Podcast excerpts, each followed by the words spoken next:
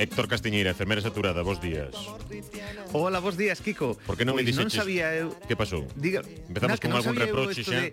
Est, non, non sabía eu isto de San, San Brais e que, que fose o patrón de, da Gorxa e no, demais. Non, que pensabas non, quen era non tiña ni idea. Bueno, pois pues un, un santo máis. Pero... un santo máis, pero isto que claro, é? Que pouco respecto. Non coñecía eu a historia e eh, sorpréndeme. A verdade é que lembrome, agora que falaba desde da, Gorxa e dos médicos da Gorxa e demais, lembrome dunha anécdota, se, se teño tempo conto. Por favor, adiante. que estaba un día na... Ademais foi aquí en, en, en Lugo, no, no centro de especialidades de, de, de aí que había aí na Plaza do Ferrol, estaba eu agardando ali a, para entrar nunha consulta, eh, estaba traballando, e eh, acerca acércaseme un, un paciente cun, cun volante destes que lle daban antes na mao e me dic, non, é que teño aquí cita co médico e tal, penso que aquí, non sei se nesta porta e na outra, digo yo, con quen ten cita? Dice, teño cita co doutor Torrino. sí, sí, un médico vasco que leva tempo aquí en Lugo co doutor Torrino. Entón, claro, no momento si sí dixi onde é, pero logo tiven que marchar porque que, é que escachaba coa risa, podía rir malí diante del. Que claro, eh, dixeron que tiña cita no claro, Torrino, claro, el entendeu bueno, no doutor Torrino. Torrino. Ben, ben, ben non oía. Está ben. Oye, Héctor, estou un pouco cabrado contigo. É logo. Porque, a ver, levamos xa tempo falando de tal, e aínda non me dixeras nunca que a limpeza dental é unha das maiores torturas da historia da humanidade que están legalizadas, por certo, que se fan unha vez sí. cada ano e que eu nunca fixen limpeza dental. Diste, que marrao, pois, pois que marrao. Pero nunca fixera ata a semana Tío, pasada. Non Tío, me pillan na outra casa, vez. pero non, non ibas a esa limpeza dental sí, profesional. Nada, nada. Claro. Iba a limpeza de baixos, isto sí, pero a limpeza dental non me volven pillar. É que doe, doe. A verdade é que sí que eu xa fixen unhas cuantas, non o que diste, non é, é, habería que ir todos os anos, pero tampouco vou todos os anos, porque eso de que pasar pola tortura así voluntariamente, uh. pois co, custa, a verdade é que custa. Pero é que o que doe, o que doe, de verdade que sí. Sabes dali que además dinche, "Ala, levas a que limpia, que limpa levas a boca." Isti, mi madriña, non sei se levo nin os dentes postos, porque sí, sí, a verdade é que doe, doe, doe moito. Deixancho ben e deixancho moi limpo, pero agradable non é. Non é agradable. non. Non é agradable. E fano así sen anestesia, claro, agradable non, non, non é, non é. E coa pandemia visitamos menos o dentista?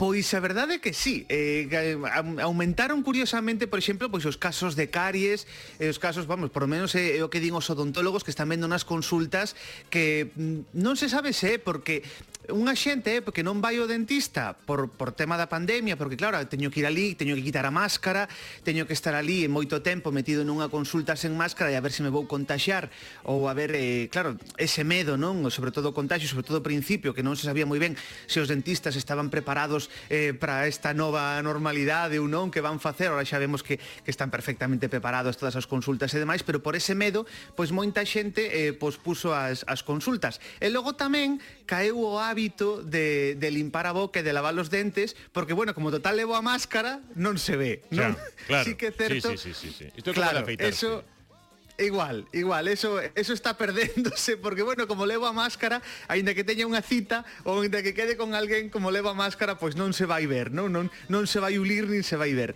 Entón sí que o caer esas esas consultas aos dentistas, pois claro, e lóxicamente empeorou a saúde bucodental e están vendo agora pois auténticos destrozos nalgúnas bocas.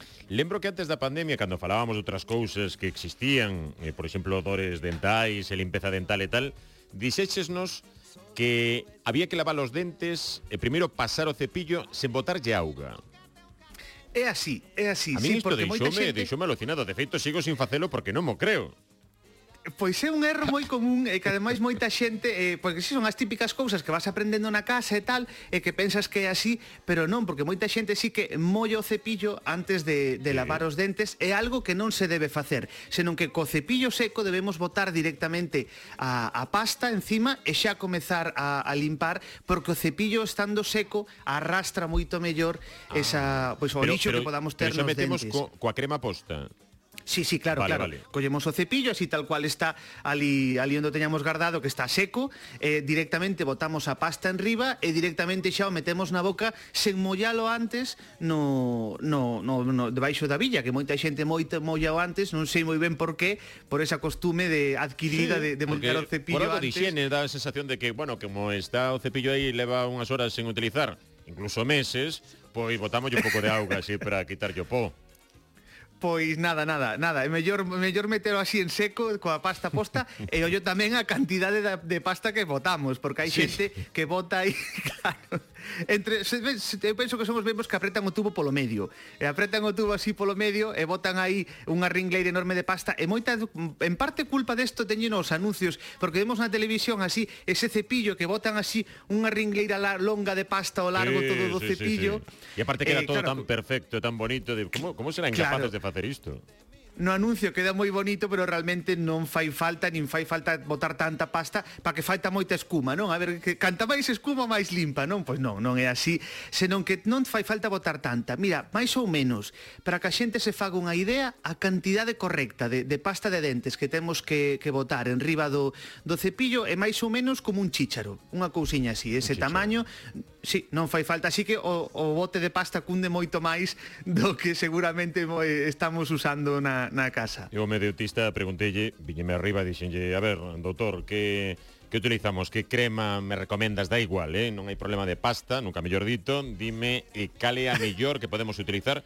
E dixo, mira, non te preocupes tanto da pasta, e preocúpate de limpar os dentes. De non é tan importante a, a pasta así, de feito, quitoulle importancia absoluta, o importante é cepillar Pois dende logo que sí, porque hai, vemos que cando chegamos a lío lineal vemos que casi hai que facer un máster, non? Mm. Para, para poder... Pasa un pouco como os, cos tipos de leite que hai que un xa non sabe cal ten que comprar, non? Como non leve da casa a foto no móvil para escoller a que podes liar.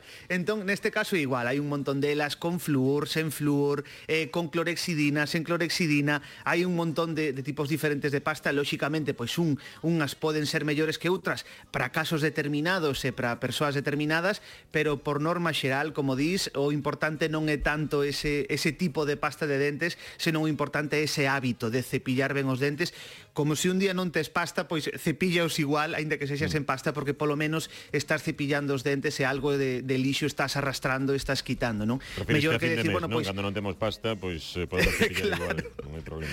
Mellor que deixalos sen, sen limpar, aínda que sexas en pasta, mellor é limpalo sempre. Vale. Eh, eh, lóxicamente, despois de cada vez que, que que comemos, así que non, non simplemente eh, unha vez o día ou como dixo unha, cada algún unha vez á semana, senón que é un hábito que temos que ter e que temos que coller, porque esa saúde bucodental ao final vai nos repercutir en, en na saúde xeral que temos, no, que temos nós. E, e cepillamos xusto despois de comer. Pois mira, é un hábito tamén que hai xente que directamente según remata de comer xa se levanta e vai, pero o garda o agardar, o, o ideal sería agardar un pouquiño, ou sexa, mm. non xusto o Unha rematar de comer. Polo medio bueno, depende do tempo de sexta de cada un Que hai xente que bota sexta de pijama e todo eh, Eso xa, claro. Xente que se mete na cama para facer a sexta sí, sí, sí, sí, Eso xa, digo. Claro, cando te levantas miras o calendario A ver que día é Porque xa, Canto tempo pasou Xa estamos no Nadal outra vez. Igual hasta xa quitaron as máscaras e todo. Claro, entón nada O ideal é agardar unha media hora. Así que se botas unha sexta de 10-15 minutos Pois despois da sexta logo. Por que? Pois porque eh, eso o que fai, aínda que nos pareza estrano, eso ten unha explicación científica, é que cando comemos o pH da boca te, tornase un pouquiño máis ácido. E tornas un pouquiño máis ácido e ten unha razón de ser porque é para axudar no proceso da digestión. Que pasa? Que nos cepi, se nos cepillamos os dentes xusto nese momento o que estamos é axudando a espallar ese ácido polo, polo esmalte dos dentes. Así que esperamos un pouquiño despois de comer, quedamos ali un pouquiño de sobremesa ou tal e logo xa eh, lavamos os dentes eh, e xa sería no, no momento ideal se queremos facelo perfecto, perfecto, pois esperamos ese pouquiño, esa, esos 20 minutos minutos, media hora despois de comer para poder, para poder cepillar os dentes. E, agora, agora que eu xa son un especialista en cousa dental, que xa foi un limpar, non sei se o dixen, eh? foi un limpar os dentes outro día, eh, limpeza doeu, dental... Eh, doeu. Sí, sí, sí. Non sei se doeu na carteira ou só na boca, pero as dúas cousas, boca, sí, sí. E a, cheguei con moita molestia, máis que cando saín da casa. Pero que dixeches da clorixidina, a min díxome, hmm. tiña, díxome, díxome que me limpou a higienista, díxome, eh, canto fumas? E, non, non, eu non fumo ah, pois entón tomas clorixidina. E, pois mira, non, non sei, e, e, e efectivamente mirei, o colutorio que utilizaba era iso, que mancha os dentes, non sei se mancha a todo o mundo, só a min por idiota ou, ou... pero pero cuidado cos colutorios. Sí. Sí, sí que pasa, sí que pasa que a clorexidina por unha parte pois ten a súa función é boa porque axuda a desinfectar ben a boca, non só can... porque só limpamos os dentes, pero podemos ter bacterias na lingua ou no resto da boca, e esa clorexidina vai nos axudar a, a desinfectar ben a boca, por así decirlo, a limpala ben, pero por outra banda sí que tende a tende a tinguir os dentes de os dentes de negro. E sí que é certo que é algo que se pode solucionar despois cun blancamento dental e tal, pero Parecía pero puñado, sí que, forte. sí, sí, sí que é certo que esa clorexidina pode nos pode nos afectar o, o esmalte, podemos acabar cos dentes un poquiño escuros, eh, como realmente como si como si habitualmente fumásemos ou como se si habituásemos habitualmente viño, que tamén tenden, tenden a, tanto viño como tabaco tenden a, a tinguir eses dentes. Vale, vale vale. E mm, co tema do colutorio tamén se falou, agora enlazando, porque algo do monotema temos que tocar, porque senón non somos persoas da COVID-19, que o colutorio servía para, pre, para prohibir eh, o contagio da COVID-19. Pois, pois mira, además respecto a desto hai, hai varios estudos, non? Que realmente incluso fai un que saiu publicado nada, fai dous días da Universidade de Valencia que demostraba que, que a membrana do virus pois parecía que desintegrábase ou entrar en contacto con determinados eh, colutorios isto claro, ten unha, unha razón de ser lóxica é que se levan, se levan etanol ou se levan eh, certo grado de alcohol ou desinfectantes como pode ser a clorexidina, pois claro, eh, pode inactivalos.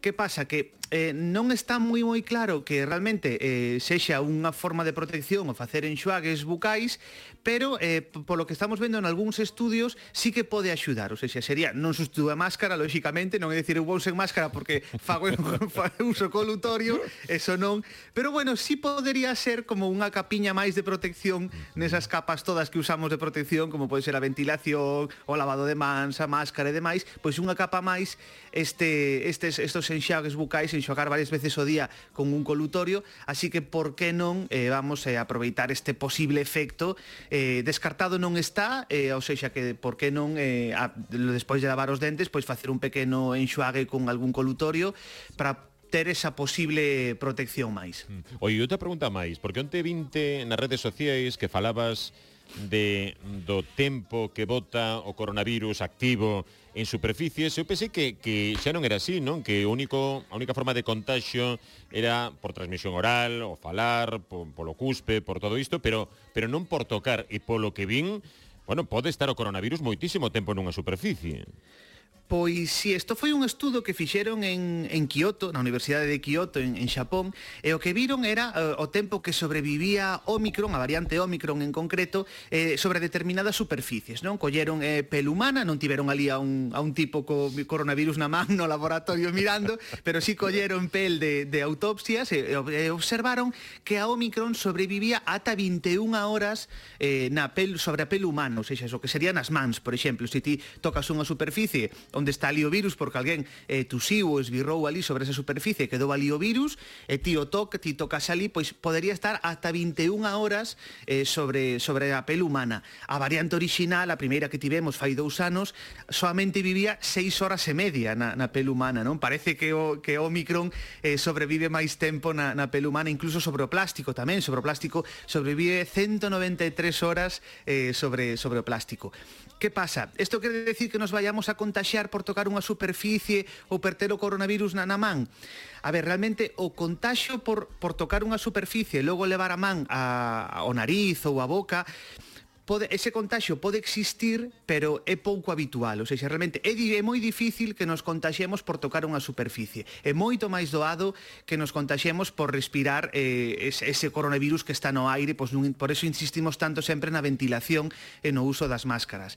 Realmente o contagio por tocar unha superficie é mínimo, é residual, pode suceder, pode ocorrer, non está totalmente descartado, pero o curioso é que, que esta variante Omicron sobrevive, como vemos, ata 21 horas na pel humana, por eso non debemos deixar de lado o lavado de mans, que sempre insistimos tanto en ese lavado de mans, porque protéxenos do coronavirus, pero tamén do moitas outras bacterias e virus que hai por aí en superficies e, e podenos... Se, de feito, sempre se insistiu en que había ese eslogan fallanos de que mans limpas salvan vidas, non? Pois é un pouquiño eso, que, que non nos olvidamos, non nos esquezamos dese lavado de mans, porque ademais vemos que Omicron sobrevive moitas horas na, na pel eh, e pode causarnos esa posible, ese posible, ese posible contagio. Bueno, de momento ainda non se sabe nada do tema das máscaras, eh? en exteriores ainda non hai un acordo entre comunidades neste Consello Interterritorial da Saúde que se eh, celebrou onte, así que haberá que esperar por ver se hai cambios en exteriores coa máscara.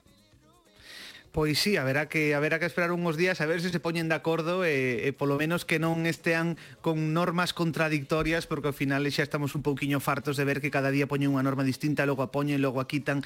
E penso que, que deberían eh, ir máis polo consenso e deixar de lado as ideas políticas e as cores políticas e centrarse no que nos interesa a todos, que é sair desto canto antes. Ala, compañeiro Héctor, pola sombra, eh? Veña, un aperta e cuidado cos dentes. Coídate. Oye, me dio una fiebre el otro día